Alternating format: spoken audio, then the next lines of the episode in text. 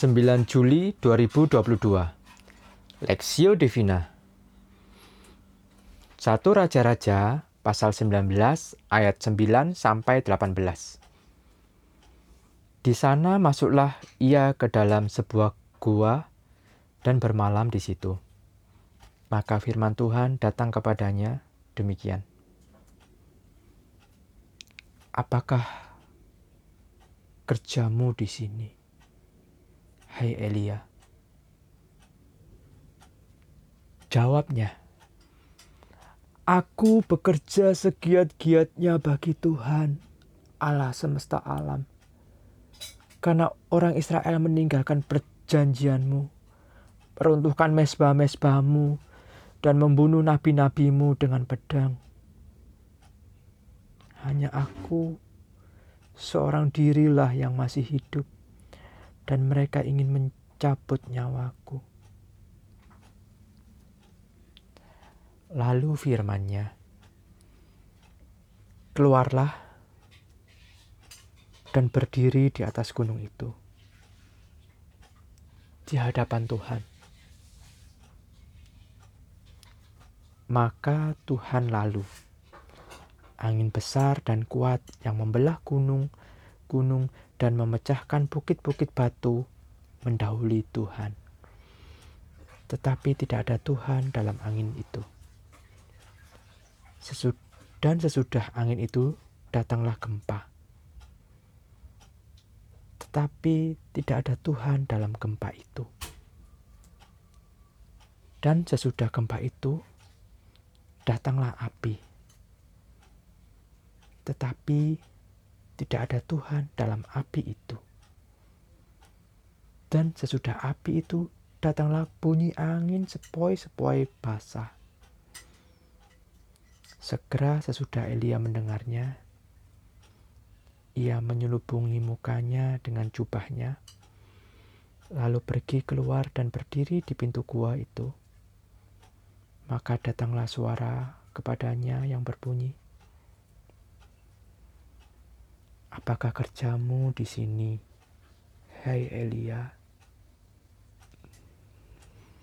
Jawabnya, Aku bekerja segiat-giatnya bagi Tuhan, Allah semesta alam. Karena orang Israel meninggalkan perjanjianmu, meruntuhkan mesbah-mesbahmu, dan membunuh nabi-nabimu dengan pedang.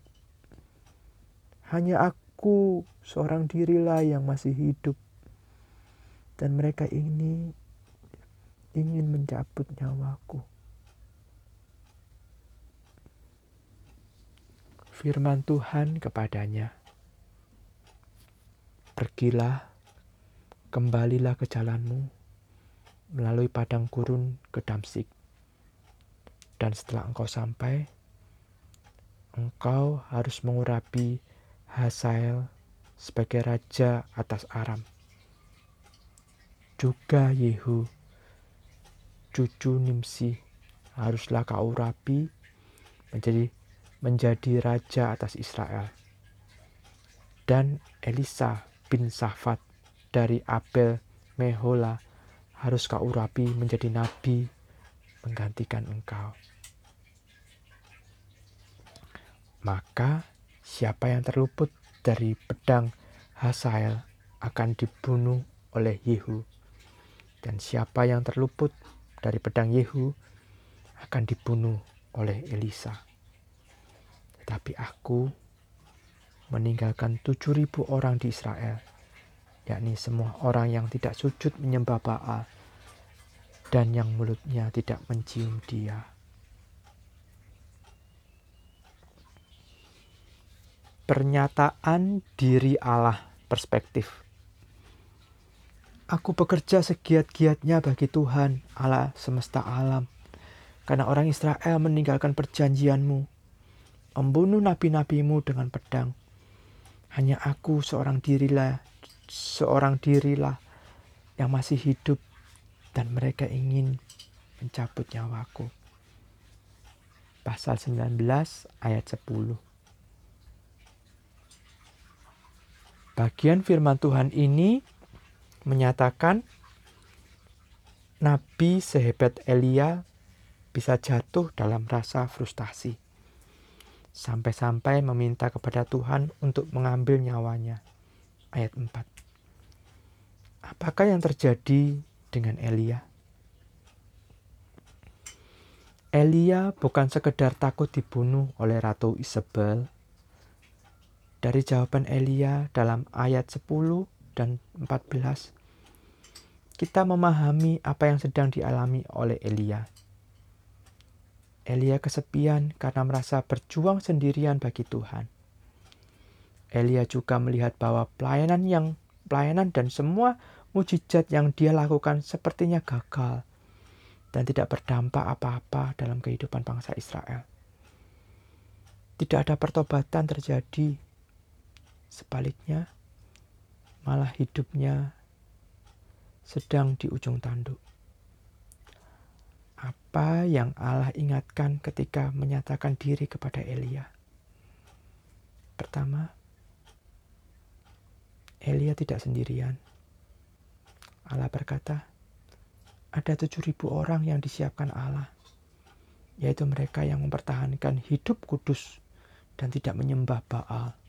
Ayat 18. Kedua, Allah tidak pernah gagal dan Allah tetap berkarya walaupun sepertinya tidak terjadi seperti yang Elia harapkan. Allah memerintahkan Elia melakukan tiga hal, yaitu mengurapi Hazael dan Yehu serta menyiapkan Elisa untuk menjadi penerusnya. Allah tidak selalu menunjukkan karyanya melalui hal-hal yang spektakuler, tetapi bisa juga dalam angin yang sepoi-sepoi, yang berarti lewat hal-hal yang sepertinya biasa-biasa saja, bahkan terkesan memakan waktu lama. Apakah saat ini kita sedang merasa seperti berjuang sendirian dalam pelayanan kepada Tuhan? Apakah kita merasa bahwa segala daya upaya yang kita lakukan dalam pelayanan sepertinya tidak menghasilkan sesuatu yang kita harapkan? Terkadang situasi seperti ini membuat kita frustasi dan saling menyalahkan satu sama lain. Namun, firman Tuhan mengingatkan Allah tak akan membiarkan kita sendirian. Allah menyediakan rekan-rekan sepelayanan. Maka, sudahkah kita menjadi rekan sepelayanan di dalam Allah bagi saudara seiman lainnya? Allah adalah Allah yang tidak berhenti. Allah yang tidak berhenti berkarya. Dan Allah tidak gagal.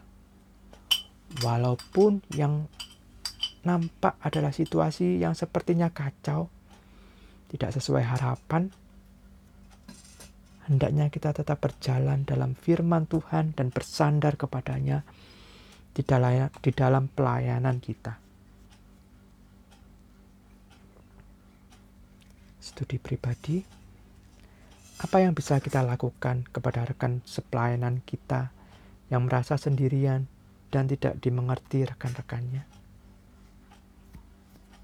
Pokok doa, berdoa untuk para pelayanan pelayan Tuhan agar sekalipun mengalami rasa frustasi dan kesepian dalam pelayanannya, mereka tetap bersandar kepada Tuhan dan saling menguatkan satu sama lain.